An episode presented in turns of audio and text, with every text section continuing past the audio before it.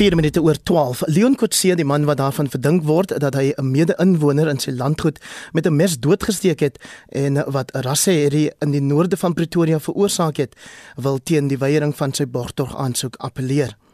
Kotse se borgtog is in die Landdroshof in Pretoria Noord geweier. Kutsie word daarvan aangekla dat hy glo Themba Tabete 3 keer met 'n mes gesteek het. Landros Tabo Ramahelo het Kutsie se borgtog aansoek van die hand gewys en gesê Kutsie het nie wesenlike en dwingende omstandighede bewys waarop hy op borgtog vrygelaat moet word nie. Lila Magnus het meer. Die 45-jarige Themba Tabete word vandag in Ermelo in Mpumalanga begrawe. Die familie se woordvoerder, Musis Kosana, sê al wat die hartseer effe beter maak is om te weet Leon Kutse het nie borgtog gekry nie. It's a sign of relief. We are not uh, completely relieved because we still have to go through this gruesome trial.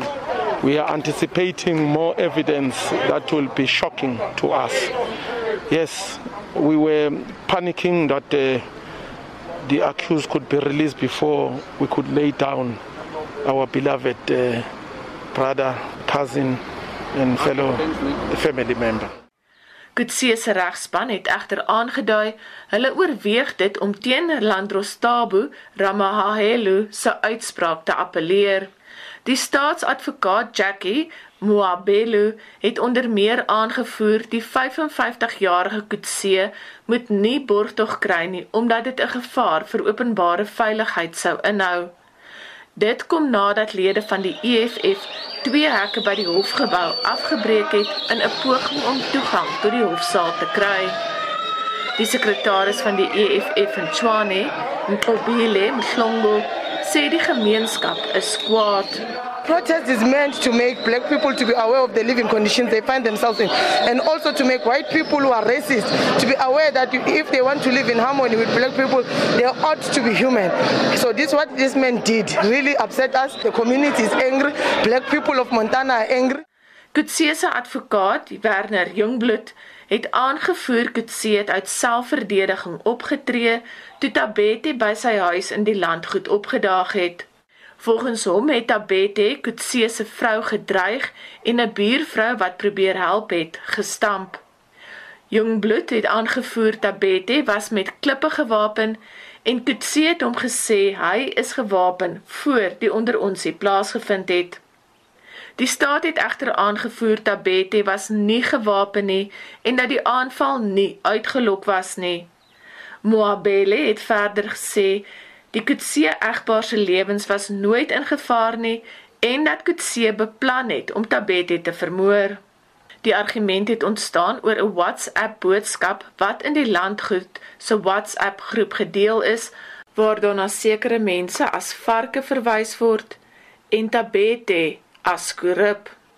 Nikutse, sy vrou of Tabete het die boodskap geskryf nie. 'n derde party het die boodskap in 'n groep aan Kutse se vrou gerig en 'n ander inwoner het 'n skermgreep daarvan in die landgoed se WhatsApp groep gedeel. Tabete het Kutse se vrou glo op die groep gedreig voordat hy na Kutse se huis gery en hulle daar konfronteer het. Die saak is tot Julie uitgestel. Ek is Lela Magnus vir SAK nuus in Pretoria. Die Vrystaatse Departement van Gesondheid het gister aangekondig dat die provinsie nou amptelik 'n derde vlaag van COVID-19 beleef. Die getal COVID-19 gevalle in Gauteng het die afgelope week verdubbel. Die provinsiale bevelsraad sê terwyl dit kommerwekkend is, kan die stygings nog nie as 'n derde vlaag beskryf word nie. Die departement van gesondheid in die Wes-Kaap hou intussen die toename in COVID-19 infeksies met 'n valkoog dop, sê Dr. Keith Kloete, die hoof van die departement daar's 'n hele paar nuwe tendense wat interessant is eintlik. Because wat ons het oor die hele provinsie is dat ons het spanne in elke area. Hulle kyk na hierdie nuwe gevalle en ek kan net vir jou nou gou sê hoeveel nuwe gevalle dit min min of meer is per dag. Ons het nog altyd so 120 nuwe gevalle vir hierdie provinsie. 25 toelatings in hospitale en drie gevalle van dood per dag.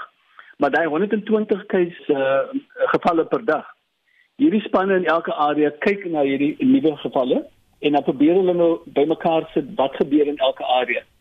En van die tendense wat ons nou opgetel het, is vir byvoorbeeld is dat jy weet dit is altyd so gewees dat by funerals dat daar uh, mense is wat blinkgevalle is wat gaan na funerals toe dat eh uh, um, gevalle onder studente IWK en UCT maar Stellenbosch is man in die nuus gewees vir 'n paar weke al in terme van Stellenbosch Universiteit maar ons ook nou opgetel by rolbalklub in ons noordelike voorstede dat mense nou in rolbalklippe ook bymekaar kom agterna bymekaar in vertrek ingaan en dat daar 'n paar uh, gevalle is wat daar aan gekoppel is.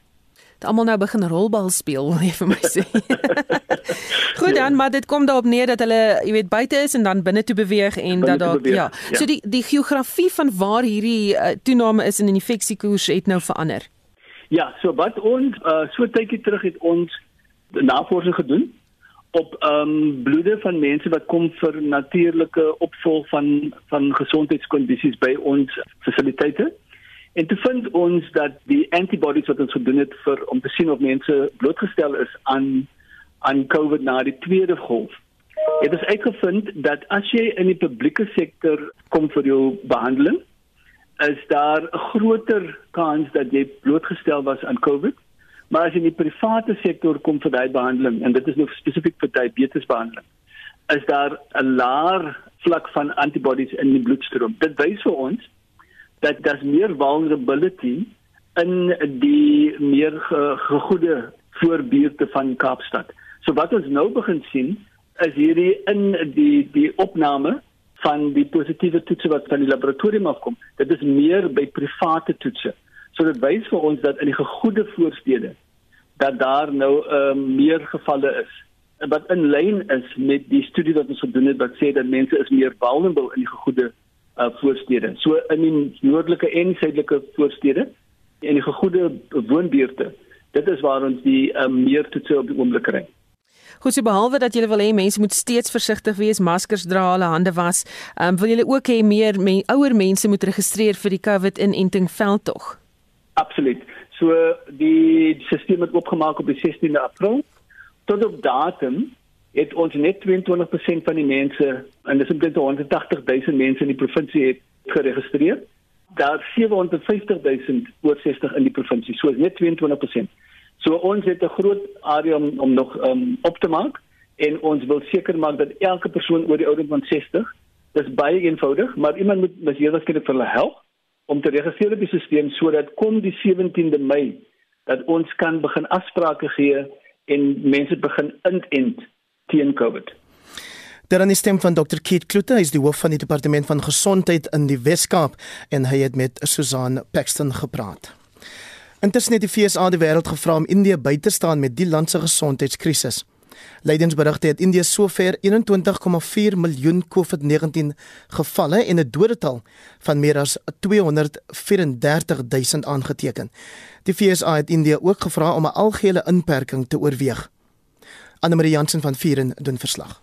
Kenners meen daar sterf elke 3 minute iemand in Indië aan COVID-19.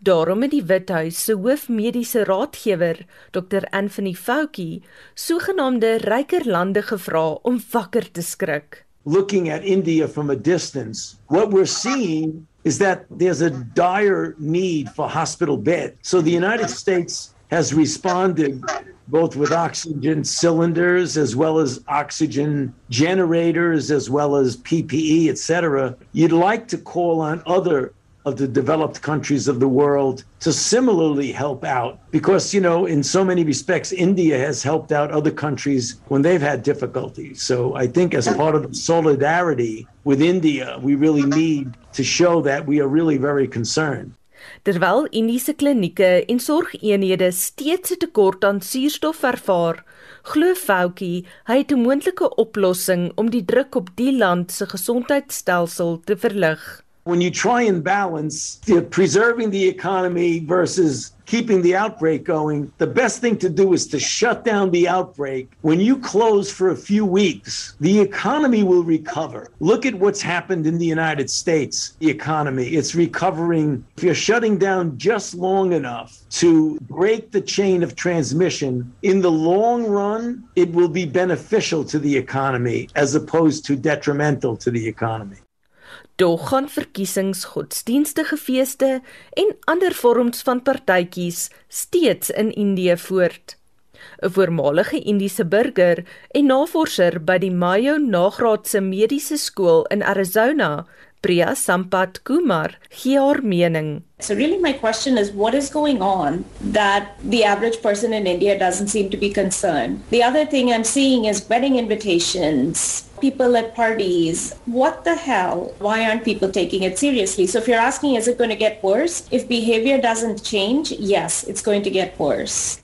Die verslag van Rana Sen in New Delhi en ek is Anne Marie Jansen van Vuren vir SAK nuus. Dis nou eh, so 15 minute oor 12. Amerika se besluit om die voorstel te ondersteun dat intellektuele eiendom rondom COVID-19 en stowwe tydelik opgeskort word, word veral goed ontvang deur drukgroepe wat hulle nou reeds dekades lank vir toegang tot lewensnoodsaaklike medikasie beywer. 'n Paneelbespreking oor die kwessies deur verskeie drukgroepe gehou. Section 27 spesialiseer in aktivisme vir mediese regte wat in die grondwet saamgevat word. Die direkteur, Omunyana Rugege, Orugege, verduidelik hoekom beleidshervorming in Suid-Afrika van kritiese belang is. We comply with the WTO rule that we must give out 20 year monopolies to any pharmaceutical company that applies for it in South Africa. And so we have a system that actually does not take advantage of what we call the TRIPS flexibilities.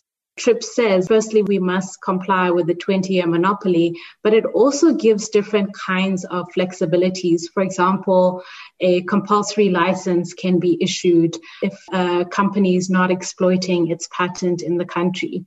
Or if there's a public health emergency, the government can actually get a government use license to ensure that we're able to access generic versions of that medicine. So there's a lot of work to be done. The EU, there's some preliminary indications that they may be willing to have further conversations, and we do expect that there'll be a split within EU member states. And surprisingly, we've seen the German government actually come out quite strongly in favor of intellectual property and patent protections, uh, and that may have something to do with the Pfizer BioNTech situation. We're seeing some U-turns from other leading foundations as well. We just saw a statement from the Gates Foundation yesterday. So I think that we shouldn't underestimate the statement and the move by the US government. It's certainly going to create a ripple effect. I'd like to just in closing acknowledge actually the South African government and the Indian government. They've been negotiating in the beginning alone for almost eight months. They've had a lot of diplomatic opposition. If we look at what the US statement is exactly saying, the devils still in the details for us to keep observing. They only mention vaccine, which is very different from what South Africa and India are proposing and agreed by 100 countries to actually cover diagnostic therapeutics, technologies, and materials. Dit was onderskeidelik die direkteur van Section 27, Umunyana Rugege, die direkteur van die Health Justice Initiatief, Fatima Hassan, en die Dokters Sonder Grense se veldtogkoördineerder in die verband, Juan Hu. Dele van die Weskaap het onder 'n erge winterstorm deurgeloop die afgelope week met swaar reën en ook oorstromings. Die adjunkvoorsitter van Graan SA en 'n graanprodusent in Caledon, Richard Kriege, het gistermiddag verduidelik waar en hoeveel reën geval het dit varieer maar van die Weskaap dele Moresburg Portewil baie min neerslag so min as 0.5 mm in Moresburg Klippiewil in die Weskaap so 10 mm en daarvan af oor Grabouw in die omgewing van 50 na 70 mm en voor Caledon het ons nou tot so 120 mm 116 mm oor die afgelope 2 dae van die ander kant af Caledon en toe dit lyk vir my daar was redelike wolkbreuke gewees in gebiede by Redpool Silo kompleks en daai omgewing.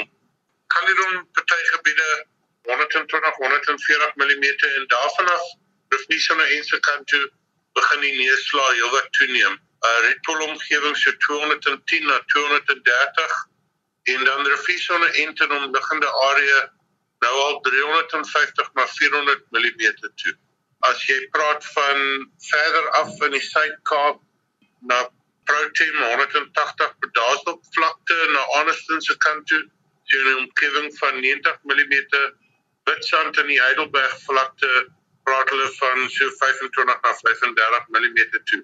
Uit die Afrisaak daar's nog 'n paar baie wat te bewagte is later vanmiddag, dit nou Vrydagmiddag en uh met toestande wat begin opklaar Saterdag. So daar is nog wel neerslae wat kan voorkom. Ek dink ons het almal kennis geneem van die reën in Bonnievale, Ashton se gebied toe, terwyl ek nie seker is oor die omvang daarvan en die neerslae wat daar aangeteken is nie. Is daar heelwat paaie en dies meer wat verspoel is? En ons weet ook van skade in die laagliggende dele van Struisbaai en in landelike gebiede waar huise oorstroom is. Hoe lyk dit op voedselvlak? Is daar enige ooglopende skade? So die skade varieer maar afhangende van die neerslag en die intensiteit daarvan. Ons sien in sekere gebiede is daar heelwat verspoelings binne in lande wat reeds gesaai is.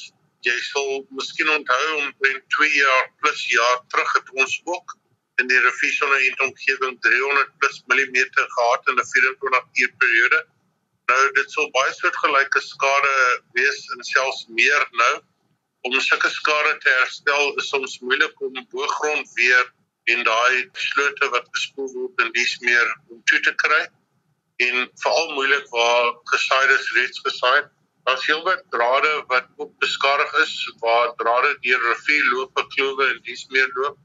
En dan baie skade aan paaie toegangsroetes hoofroetes en van ons klein grondpaaie wat dan die landelike gebied bedien en dit kan 'n redelike tyd vat vir herstel en dis meer die omvang van dit is van so 'n aard dat produsente 'n plan sal moet maak om toegang te kry tot nie net hulle plase maar sekere gebiede wat nou half afgesny is van die buitewêreld af. Die huise wat oorstroom is en dis meer ons dink aan die mense daar's twee mense wat vermis is om refuge van 'n gebied en ander wat vermis is op hierdie stadium en ons dink aan daai families en die mense wat ontwrig is en wat hulle huise moes ontruim as gevolg van die vloede. En uh ons hoop dat daar kan uitkoms wees met daai mense wat gesoek is. Nou Richard, ons het ook verneem daar was kragonderbrekings in die gebied. Word julle hierdeur geraak? Ons is hierdeur geraak. Die kragonderbrekings het redelik wyd voorgekom. Ook as gevolg van skade aan hoofse lyne en dan in laagliggende dele waar uh kragtoestelle en kragmeters dies meer van Eskom onder water gekom het. Dit lyk vir my meestal van die probleme word aangespreek by Eskom wat baie goeie samewerking gee en sover my kennis op hierdie stadium kan dis meestal van die probleme opgelos. Dit kan egter wees in die areas wat baie swaar neerslae aangeteken het waar daar skare in, in oorhoof en kraglyne dat dit nog 'n geruime tyd kan vat vir die herstel daarvan dan kan miskien kan ek byvoeg terwyl ons die monetêre waarde van die skade wat gemeet word kan bepaal en die omvang daarvan die voordeel wat die reën vir ons inhou is nie meetbaar in terme van monetêre en waarde en en geld nie. Die reën bring vir ons 'n vroeë begin nou aan ons reënvalseisoen en uh, die voordele is baie groot vir 'n gebied wat die hoofgewasse is droëlandproduksie van graangewasse en damme en dies meer wat water dan kry het waar daar besproeiing wel is in die gebied wat nou neerslag ontvang het. Het jy enige raad aan die landbougemeenskap? Wel ek dink die raad wat ek kan sê is uh manne tel julle koppe op. Dit is altyd maklik om te boer met taboets aan jou voete as plakkies, veral in 'n droëland omgewing waar ons aanwesig is vir die reënval. En terwyl daar skade is, die positiewe kant is is dat ons goeie ondergrondse vog sal hê. Ons sal hopelik veevoer hê in die komende maande wat 'n verandering sal bring in die laaste paar jaar wat ons eintlik deur die winter gevoer het tot in die lente as die dae begin rek en warmer raak. Ons het die laaste tyd gesien dat die eerste reënval redelik laat is in die seisoen en grondtemperature gedaal het. Dit is baie koud en nat is en dit is noodsaaklik vir produsente veral dan met uh klein en groot vee deur die winter moes voer. Ons gaan amper in 'n groen droogte situasie in waar dit te koud is in die veidings te groei nie. So hopelik sal vir jaar vir ons die geleentheid bied om 'n bietjie die brieke aan te draai met die voedery van vee wat die skade betref aan die gewasse wat reeds gesaai het. Soos reeds genoem, daar's heelwat slote en spoelskade in lande. Dit sal produsente moet probeer aanspreek en en bestuur dat implemente verder deur die loop van die seisoen kan werk en en toegang kry tot daai lande dat dat implemente nie skade kry nie. So miskien moet dit aangespreek word en kyk daarna die die koste van mekanisasie is verskriklik hoog wat voorkomsmiddels betref wat reeds gebruik is. Ons weet nie wat die skade gaan wees of daar moontlike loging gaan wees van van gifstowwe en skade aan aan gewasse reeds geplant. Maar ek dink die vroeë reëns het ons ook 'n geleentheid om vir die eerste keer in baie jare laat die opslag en onkruid opkom dat ons dit voor die tyd kan kan bestuur en en met goedkope middels kan bespuit en dit kan in die verloop van die seisoen redelike kostebesparings teweegbring wat ons chemiese rekeninge en dan die vermindering van die gebruik van chemie deur die seisoen in die onkruidbestuur uh oorlog wat ons gewoonweg voer. Richard Krige is die adjunkvoorsitter van Graan SA en hy's ook 'n graanprodusent eh, by Boontjieskraal in Caledon in die Oeverberg. Hy het met Vincent Mofokeng gepraat. Minstens 4 mense is in die afgelope week se storm weer dood en by Riviersone End moes minstens 40 plaaswerkers na veiligheid gebring word dit nadat hulle deur stygende vloedwater aan een kant van die Sonder End rivier vasgekeer was. Ek is Hendrik Weingart, aanbieder van die SAK nuusbesprekingsprogram Kommentaar. Die week kan jy luister na die menings van hierdie drie ontleeders. Ek is JP Landman, 'n onafhanklike politieke en ekonomiese ontleder. Ek is Teens Elof, onafhanklike kommentator. Ek is Jan Joubert, politieke joernalis en skrywer. Dis kommentaar Sondag aand om 8uur net hier op RSG.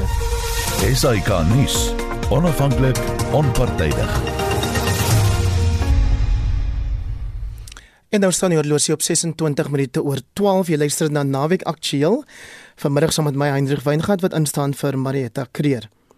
Plaaslike rugby liefhebbers het rede om vanmiddag na 'n skouspel uit te sien wanneer vier van die land se voorste spanne mekaar in die plaaslike reënboog beker reeks pak. Die Haie en die Leeu's sê mekaar om kwart oor 4 die stryd in Durban aan terwyl die Bulle en die Stormers mekaar om kwart oor 6 in die Kaapstad Stadion pak.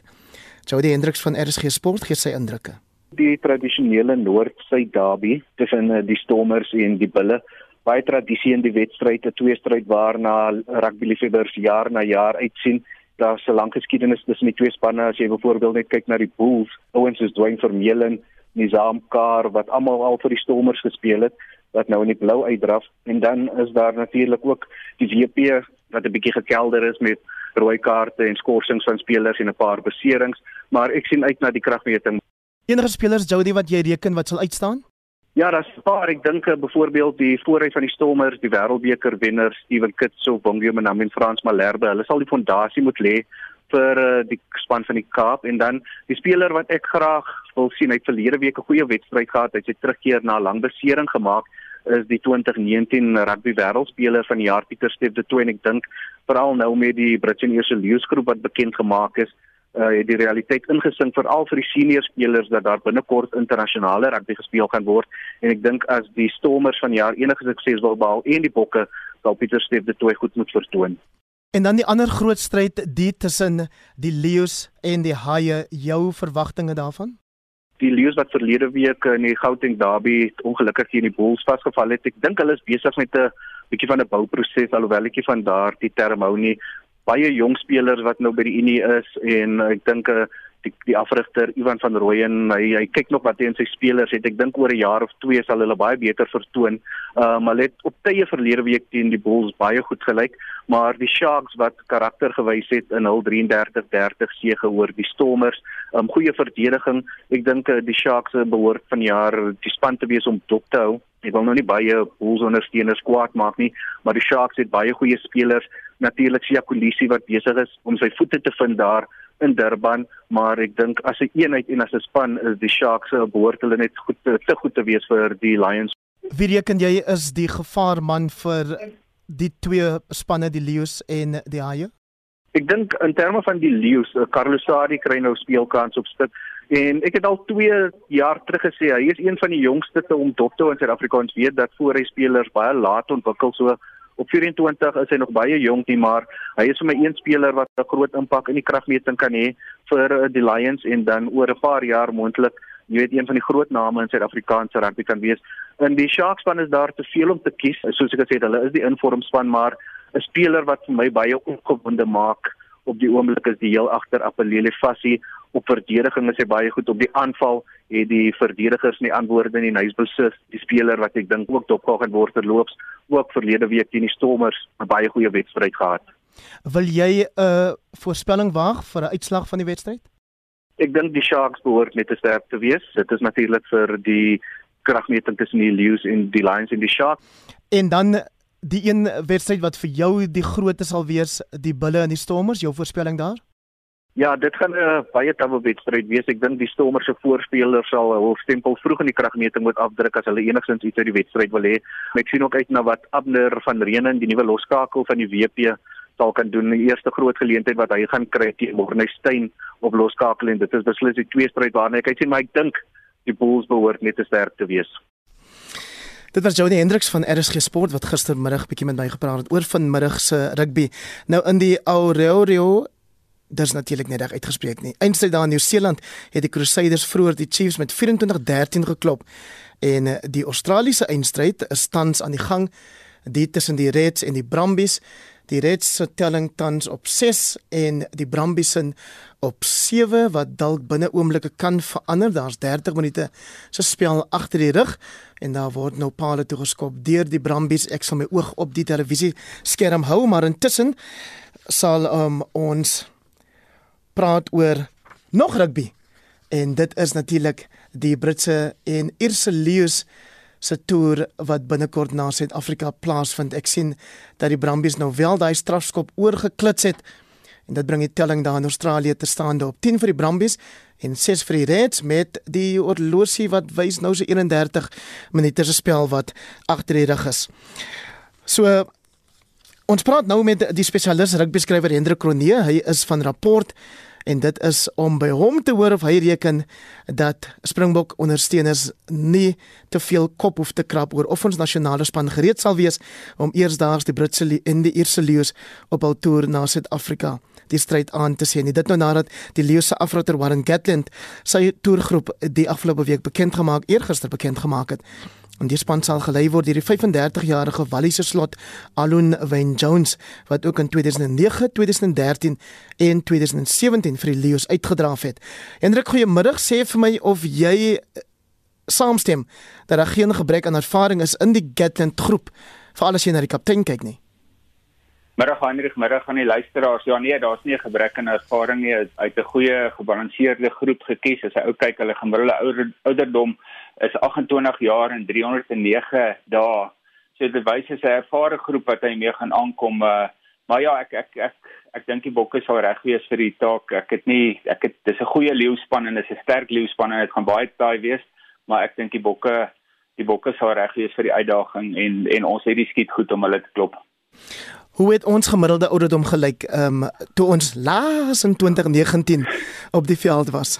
Hey, juffrou, 'n moeilike vraag want ek ek het ek skat dit so in die omgewing van 26 rond gewees. Ek sal moet gaan terugkyk. Ek raai nou hoor ek eh, dis nou baie raai skoot, maar dis dis bietjie jonger gewees. Jy weet, dis 'n ou uh, uh, jy weet uh, wat jy nou gesê het van van die van die uh, van Jones wat hulle kaptein is. Hy het al 157 toetse gespeel. Die persoon met die weet hy's hulle hy is die oudste kaptein vir Britse leeu sedert 1896 jy weet so dit dit dit sê vir jou nogal dat, dat hulle vir ervaring gegaan het. En is ook nogal interessant jy weet Warren Gatland het 'n paar interessante keuses gemaak soos die Sam Simmons wat op uh, uh, weet agste man gekies het. Hy het net sewe toetse gespeel maar mens skryf so met sy insluiting en met Hamish uh, Watson die flank van van Skotland wat wat die wat die speler van die reeks in die ses nasies is dat Gatland dalk 'n strategie kan volg van maar ons wil nie boor die Springbokke hardloop nie. Ons sal dalk om hulle hardloop jy weet. So ons moet kyk uh, wat wat die Springbokke se benadering gaan wees van Rassie Volhard met 'n 6-2 bank uh waarmee Rassie en Jacques Ninaber, Rassie Rasmus en Jacques Ninaber gaan hulle 'n strategie wat baie suksesvol vir die Bokke in die wêreldbeker wees uh, was gaan hulle daarmee volhard of gaan hulle dalk ook met 'n verrassing of twee uh, kom uit die laaste tyd gesien hulle te spelers soos Roscoe Speckman uh, na die beleidingskampe toe genooi. Dit beteken nie hy gaan in die Springbok oefengroep wees en in die 23 taal teen die Britse en Ierse leeu's nie, maar dit kan dalk weet ou is nog dalk bietjie vroeg om om om om om te sê hoe gaan dinge lyk maar dalk kan 'n ou se Squaga Smith ook 'n rol speel met Hamish Watson daar wat wat baie ontwrigtend is vir afbreekpunte. So dit gaan interessante dit gaan interessante interessante reeks wees. Uh, ons kan nou nog 'n bietjie oor die bok bokplanne praat Hendrik, maar net eers nog oor die Britse en Ierse leeu se groep. Uh, jou kollega Steven Nel het geskryf dat da die weglating van die Ierse loskankel Jonathan Sexton was vir hom die groot verrassing geweest. Nou ja, dit is ek dink baie mense tot John de Villiers se Promok Center het gesê Johnny Sexton is die is die is hom een van die grootste verrassings. Ek my was die weglating van Johnny May die Engelse vleuel was vir my een van die grootste verrassings en ja. natuurlik CJ Stander, die sit op skaanse losvoorspeler. Ek het nog nie self met CJ gepraat die afgelope tyd om te bevestig was hy wel beskikbaar nie, maar volgens die inligting wat ek gekry het, was hy beskikbaar geweest, hoewel ek dit nog nie self met hom bevestig het nie. Volgens my is hulle twee die twee ongelukkig is uh natuurlik ook Kyle Sinclair die vaskopstit van Engeland wat 'n baie goeie speler is maar dis my die drie name wat ek wat ek gesoek het daar uh en dalk selfs in die middelveld uh mense het gedink Theologie die binnesenter van van Cell Sharks kan dalk in in berekening kom. Maar uh, uh dis die dis die name wat ek wat ek mis. Johnny May CJ Stander uh dis die twee name wat ek gemis het. Sexton natuurlik baie ervare maar vind Russell is uitstekende losskakel en dit is dalk nog 'n bewys dat dat die Britse en Ierse leeu's dalk om ons wil hardloop en nie boor ons wil hardloop nie. Ek vind Russell is 'n kreatiewe loskakel wat wat wat geleenthede skep vir sy baie agterspeel buite agterspelers. Uh, ek dink hulle het genoeg uh, Dan Bigger is daar. Ek dink hulle het hulle het 'n probleem op uh, met met hulle loskakels nie. Ons genoeg diepte uh, Dan Bigger het hierdie in die groot wedstryde gewys hy kan vind Russell is 'n uh, bietjie X-faktor in die span. So ek is Sexton is natuurlik 'n groot verrassing dat hy nie daar is nie, maar ek ek dink dit gaan dit gaan die sukses van hulle toer bepaal wat hulle sonder hom is nie. Hendrik die Bokke het weliswaar in 2019 November 2019 laas gespeel die jaar toe ons die vir die derde keer die wêreldbeker gewen het. As jy na die plaaslike rugby tans moet kyk, hoe sou jy sê is ons spelpyl in die algemeen op hierdie oomblik? Ander jaar daar was uh, daar was 'n voorbereidingsreeks gewees vroeër vanjaar uh waar die waar die spelpyl uh, wat dit so so was en in die Karibeker reeks en uh nou met die Wat met beteken die, so so? Dit was nie dit het nie altyd aan die standaarde voldoen nie. Jy weet daar's nou redes. Die spanne kon nie, jy weet kon nie partykeer kon die spanne net twee keer 'n week oefen. Uh weens COVID, jy weet kon hulle nie gereeld saam oefen nie. Hulle kom partykeer weet moes hulle afsonderlik oefen die voorspelers en die agterspelers soos versagtende omstandighede hmm. waarom die spel nie altyd na wense was nie, jy weet en waarom waarom ou nie tevrede is met daai met die spelpyl nie. Hierdie reeks het nou nie gang as die Reënboogbeker uh, SA reeks.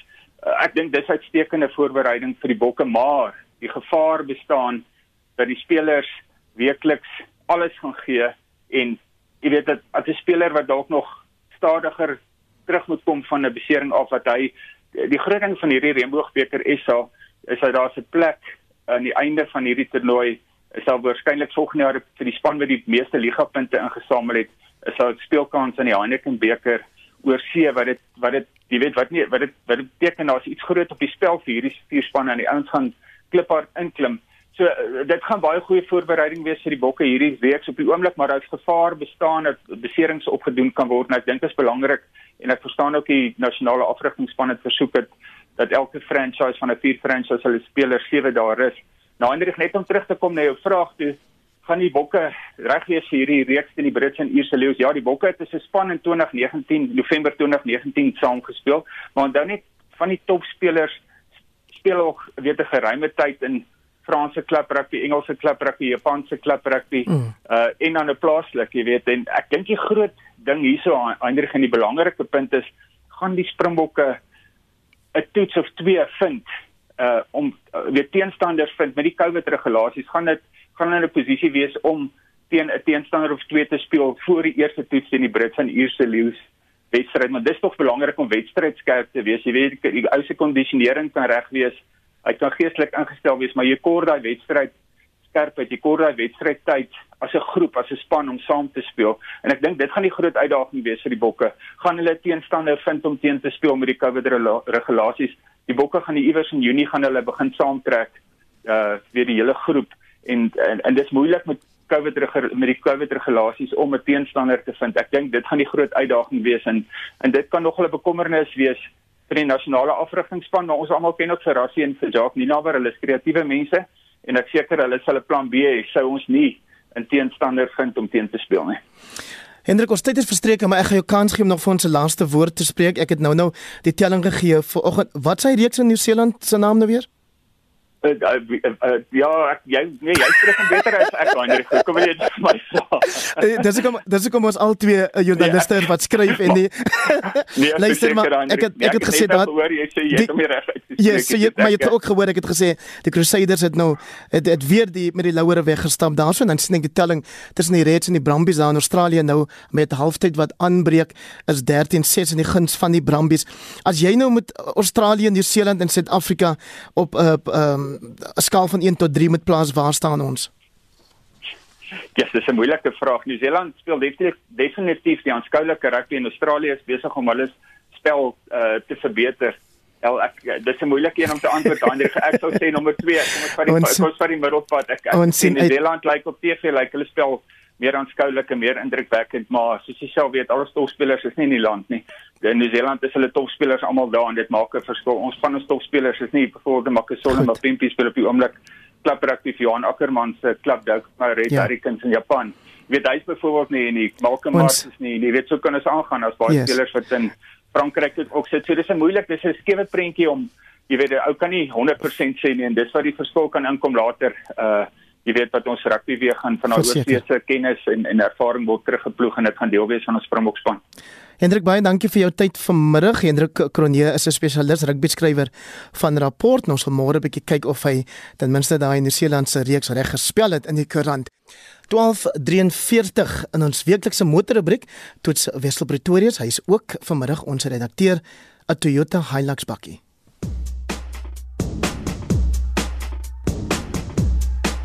Toyota het sy 8ste generasie Hilux sedert 2016 op die mark netjies opgekikker. Ek het die vlaggenskap dubbelkajuit gery, die 2.8 4x4 Legend RS outomaties. Van voor is dit die Hilux se nuwe gesig wat opval.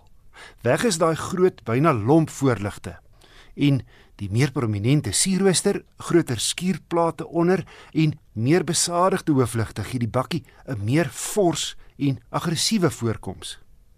Nuwe 18-duim alloy wiele, meer robuuste wielbo en LED ligte voor en agter en 'n nuwe buffer voor dra by tot die bakkie se gespierde voorkoms.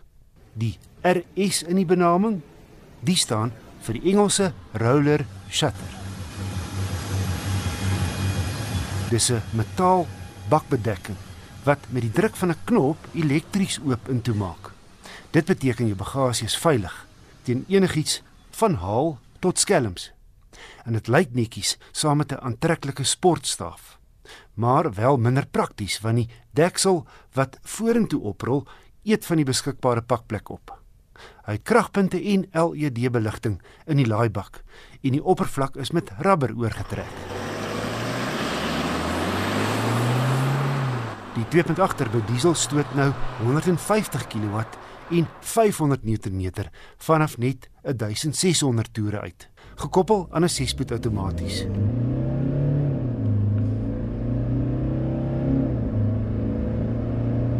Teen 'n ware 120 lê die toere teen 'n rustige 1960. Nie net meer krag nie, Toyota het ook aan die onderstel gewerk en 'n balanseeras ingebou om vibrasies en geraas in toom te hou. So meganies en wat die ritgehalte betref, voel die Hilux 2.8 meer gesofistikeerd as die vorige model. En die masjien reageer ook vinniger op skielike pedaalinsette. Ek het op die langpad 5 mense aan boord en agter volgepak 8,7 liter per 100 km gemeet. Maar verwag met gemengde ryery 'n syfer van so 9,5. 'n Verbetering is dat die stuur teen laaspoed ligter is en dan soos jy spoed vermeerder, swaarder word. Wat regtig help in uh, stadsverkeer. Kleiner sigbare verbeterings is binne aangebring. Jy kan nou ook jou radiostasie en volume met knoppe beheer. Voorheen net op die stuur en raakskerm. Heelwat nuwe tegnologie standaard in die Top Legend model, 'n beter klankstelsel met 9 luidsprekers. Die sentrale skerm kan nou musiek stroom en bied toegang tot navigasie en verkeersinligting. Jy kry 'n ritsveiligheidskenmerke soos laan verlaat waarskuwing, selfstop in geval van 'n onvermydelike botsing en self-aangepaste spoedbeheer. My gevolgtrekking, die Toyota Hilux Legend RS4x4, is rondom 'n indrukwekkende bakkie. Maar ongelukkig die prys ook. Hy's duur, R868100. Die RS pakket alleen, basies die elektriese bakdeksel en sportstaaf, is 'n volle R87200. So, as jy dit kan bekostig, 'n lieflike bakkie, maar beter waarde lê laer af in die reeks.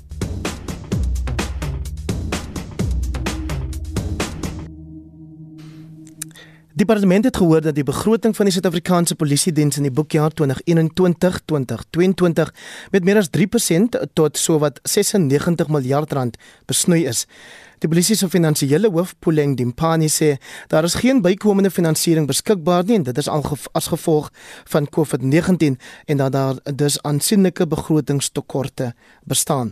Die United Public Safety Front is 'n koalisie van burgerregte organisasies in die Wes-Kaap. Die organisasie se direkteur, John Kloete sê, die polisie het te veel geld gekry vir die min werk wat hulle doen. Ons het kennis geneem van die inkorting van die begroting van die SA polisie van 3.2%.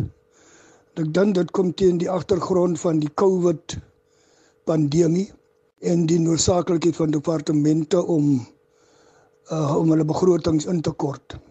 Maar ons verwelkom dit uit die aard van die saak. Die polisie se begroting het deur die jare astronomies toegeneem en vermeerder, maar so ook het die misdaad astronomies toegeneem. Eintlik het uh, misdaad die afgelope jaar by monde van die polisie se statistiek self met 22% toegeneem. Nou as jy in ag neem dat ons onder pandemie was en onder 'n lockdown was vir amper 'n jaar lank, um, en die misdaad het 22% toegeneem, dan um, lig dit vir jou wenkbroue rondom die polisie se se vermoë om misdaad te bekamp veral in die Weskaap het die bende geweld toegeneem en dit neem by die dag toe. Nou John, hoe sal polisieering strategies aangepas moet word met die begroting wat nou gesny is? Die polisie spandeer miljoene miljoene rande, honderde miljoene rande per jaar aan uitbetalings as gevolg van onwettige arrestasies as gevolg van uitbetalings van aanranding op aangehoudenis. Hulle spandeer miljoene rande per jaar aan voertuie wat afgeskryf word as gevolg van ongelukke en so voort. So ons verwelkom die vermindering in die polisie se dit sal hulle noodsaak om te herproduseer en om hulle bestuurs uh, lei beter op te lê. Ek dink dat ons is van mening dat die groot probleem lê by die bestuur van die polisie en nie noodwendig die rank and file polisiebeampte nie. So ja, ons is in, in eensstemming dat die vermindering genoodsaak is, maar dat dit ook nodig is. John Kluter is die direkteur van die United Public Safety Front in die Weskaap en hy het met Vincent Mofokeng gepraat. Vincent berig ook oor die volgende slegs 30% van Suid-Afrikaners het tans testamente en baie min mense is bewus van die koste verbonde aan die likwidasie van 'n boedel. COVID-19 het egter meer mense bewus gemaak van die werklikheid van die dood en die belangrikheid van 'n testament. Marlies Stander van Blok se regsdienste wat spesialiseer in boedels en testamente sê oproepe na hulle in die verband het gedurende die pandemie toegeneem. Net 20% van ons publiek het nie testamente nie. Dit maak dit moeilik op 'n einde van die dag. Die testament is nie net 'n papier en 'n dokument waarop jy geteken het en jou goedjies neergeskryf het en geskryf het jy kry jou en se kom staan en jy kry die groene nie. Het net nie aan die dag die laaste wens wat jy het. Dit is 'n dit is 'n afsluiting en 'n testament van alles wat jy bymekaar gemaak het, waarvoor jy gewerk het, wat jy jou hele lewe in jou hart en siel ingesit het. Dit is 'n testament wat aan die dag die laaste wens wat jy het om te sê hoe jy dit wil hê, wat jy wou gehad het en waarheen wat moet gaan boonbehalwe die feit dat die mense wat agterbly het, soveel makliker die oorgang sonder jou gaan maak, want jou wense is uitlink gesit. Daar's 'n rigting waar volgens ons kan werk. is dit maak die afsluiting vir baie mense net baie makliker. Sodra 'n persoon sy testament opstel, watter tipe elemente moet hulle na kyk want ek hoor dat 'n komma by die verkeerde plek jou testament heeltemal kan jy weet ander rigting ingooi. Dit kan, dit het al. Dit is net bly by die basiese goed. Bly as jy wil sê my dinkse komstel gaan aan Pieter, dan skryf jy my dinkse komstel gaan aan Pieter. Jy moet onthou mense interpreteer goed soos wat hulle dit sien. Dit is baie makliker en baie beter om op 'n basis te bly wat jy nie hoef te verduidelik nie. As jy jou testament gedoen het op die einde van die dag, moet enigiemand hom kan lees en presies verstaan wat jy wou gehad het, dan weet jy jy's op die regte pad daar seker vereistes wat daaraan moet die testament moet aanvoldoen. Hy moet in persoon geteken wees. Hy moet oorspronklik geteken wees. Geen meesterskantoor aanvaar 'n afskrif nie. As jy die afskrif sou wou aanvaar, gaan jy hooggeregte aansoek moet bring. 'n Testament moet oorspronklik geteken wees en dan twee getuies geteken het saam met jou op elke bladsy. Dit is die basiese vereistes van 'n testament. Nou gedurende die pandemie is die families nie altyd voorberei met hulle testamente nie. Hoe kan hulle hulp kry? Die prokureursorde het 'n testament week, 'n will week wat hulle elke kort moet afkondig. Jy kan daar as die praktyke wat daar saam mee werk, stel dan 'n testament gratis op. Dit is almal dankie vir die testamente. Jy kan jou eie testament ook doen solank jy nie vereis dit voldoen kan jy self die testament opstel. Maar dit is altyd beter om iemand te kontak wat weet hoe en wat ondervinding het van saak waar jy die kom al verkeerd sit wat sê gaan hierdie goed na daai en toe of gaan dit na daai en toe of wat bedoel ek hier? Dit is altyd beter om iemand te kontak wat weet hoe om 'n testament op te stel en al die vereistes reeds ken. En hulle kan dit so om dit is makliker om om 'n professionele persoon te kry om 'n testament te doen en wat is die die voordele om 'n testament te hê vir jou die enigste voordeel is jy besluit wat jy gedoen wil hê met jou kind. Die voordeel vir die familie is jou wense is uiteengesit. Jy moet onthou as jy nie 'n testament het nie, jou geld gaan definitief nie staat nie. Daar is so dinge in die publiek wat uit is wat sê en dit staat beteken my geld gaan na die staat. Dit is nie waar nie. Jou geld dat is jou boedel word beredder in die staat en dan van die intestaat wet die aard wat volgens dit is. Daar sekere regulasies wat jy moet voldoen in elk geval. So enigste voordeel van 'n testament is jy kies wie jou goed kry en dan van die intestate aanvraag kies die wetgewer wie jou goed kry.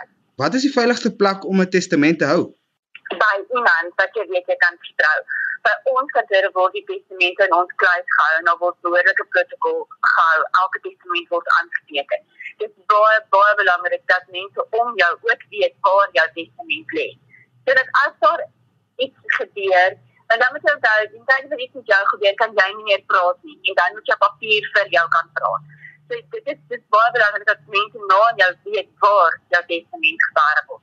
Daarom in die kluis, daarom in jou boekrak, maar maak seker dat hy veilig is. Maak seker dat hy al die vereistes voldoen en maak seker dat iemand nou aan jou weet waar die testament is. Dit was Marlies, 'n stander van eh, Blok se regsdienste wat spesialiseer in boedels en testamente.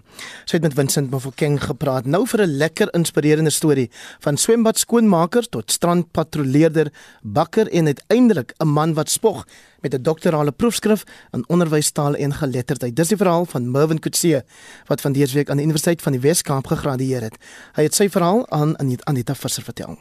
Mervin Kutse het in Bonteheuwel op die Kaapse vlakte groot geword in skreiende armoede wat vererger het na die dood van sy pa in 1974. Op daardie stadium was hy maar net 8 jaar oud met geen besondere vooruitsigte nie in 'n gesin waar almal moes inspring om kos op die tafel te probeer kry. My ma moet soms gehitchhike na haar werk toe want daar was nie geld vir 'n treinkaartjie of 'n buskaartjie nie. My ouer susters het die skool verlaat en hulle in die fabrieke gewerk in Epping, Metal Box, is die naam van die fabriek. En my oudste broers was nou die skoonmakers by Bontewil Swembad. Ek kan onthou dat ons was so arm, ons het grondbroodjie botter gekoop het by die lepel wat hulle geskep het in 'n uh, waspapier en ek en my tweede ouer broer het by die fish and chips winkel gestaan en hulle het vir ons kajang gegee dit met die oorskiet van die dag. Ek onthou die vrou het dit gerap in 'n papiertjie en dit het ons op ons brood gesit en dit was ons aandete. Dis dit is so 'n klein voorbeeldjie van hoe arm ons gewees het. Dit te midde van apartheid Suid-Afrika. Ek het maar net daagliks skool toe gegaan en dit was baie die mekaar in Bontewil met die kaspers, die buffels, die ratels, dis nou die polisie voertuie en so wat hier Bontewil gery het en dit gelyk soos 'n oorlog So die lewe was baie die mekaar vir my as 'n tiener. Opstand het 8 nog aan 10 toe dryp ek die September eksamen en my maat het my toe gesê wel, sy sal vir my uit die skool uit moet haal en ek sal moet werk permanent as 'n skoonmaker by die swembad. Gelukkig het een simpatieke broer 'n stokkie vir sy ma se planne gesteek en haar gesmeek om Mervin nog 'n kans op skool te gee. Later haal hy toe sy matriek waarna hy werksgewys behoorlik rondgeswerf het. Ek het 'n hele paar casual jobs gehad. Ek het gewerk by die Cape Times printing press in Pardon Island. Ek het 'n uh, was 'n bakker se assistent in Wynberg ek het so baie jobs ek vergeet nou maar in die laaste jaar het ek 'n uh, dame ontmoet sy het uh, was aan 'n matriekjaar sy het aansoek gedoen by UWK en sy het my aangemoedig om ook saam daar te gaan studeer so ek het ook aansoek gedoen maar sy was aanvaar en nie ek nie Vir Mervin Kutse was dit 'n duidelike teken van bo. Die akademie was nie vir hom beskore nie, maar die noodlot en sy vriendin het ander planne gehad. Saam met die vriendin is hy toe in elk geval klas toe waar 'n studenteleier, Neil van den Heever, die klas vra wie probleme met registrasie ervaar.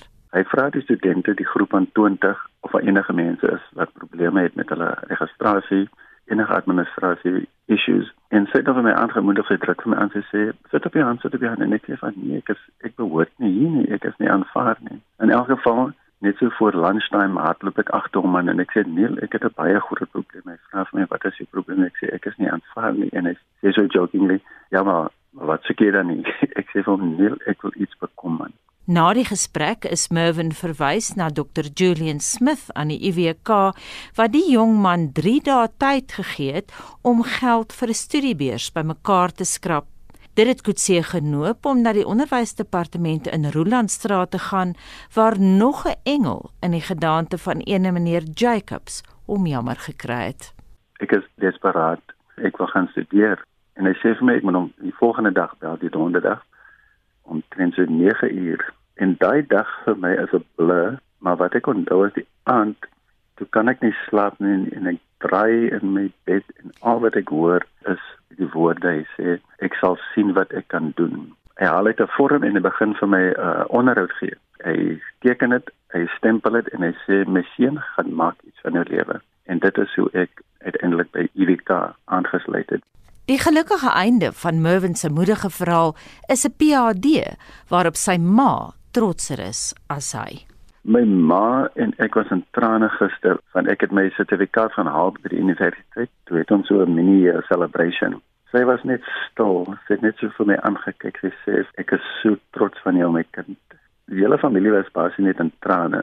Dit was pret met trane. We just all broke down together. Mervin Kutsie was 'n swembad skoonmaker en nou het hy 'n doktorsgraad. Anita Visser het met hom gepraat en so het groot tyd vanmiddag hier op Naweek Aktueel aangebreek van my Hendrik Weingart. Ek praat môre aand om 8uur weer met julle op kommentaar.